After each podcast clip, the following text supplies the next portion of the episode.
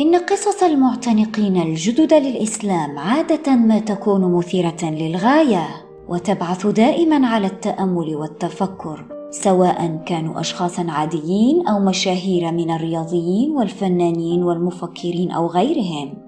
وتؤكد هذه القصص أن الإسلام هو دين الفطرة.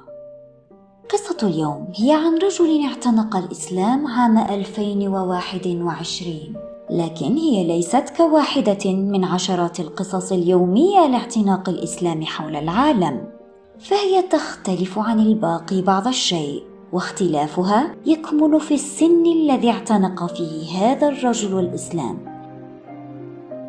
هو رجل فرنسي يدعى جانو يعيش وحيدا في مدينة بوردو الفرنسية.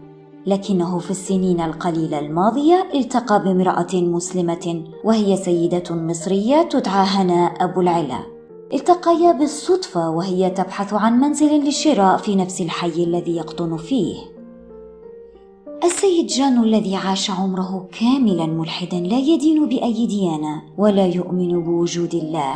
اهتدى للإسلام بعد تأثره الشديد بهذه السيدة وبمعاملتها الطيبة معه. فقد كانت تقدم له هي وزوجها كل أنواع الرعاية والاهتمام كأنه أحد من أفراد عائلتهما. Happy birthday to you وكما يقال الدين معاملة. وهذه المعاملة الطيبة من هؤلاء الناس الطيبين كانت سببا في دخول شخص معمر للإسلام في سن الخامسة والتسعين. وهو بذلك على الأغلب الأكبر سنا من بين المعتنقين الجدد للإسلام.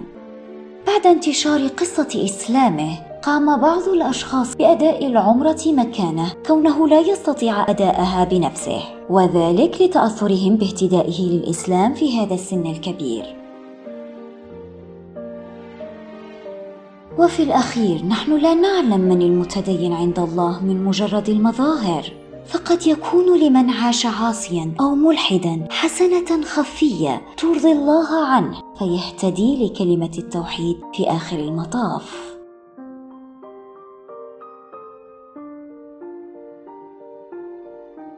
أشهد اشهد أن أن لا لا إله إله إلا إلا.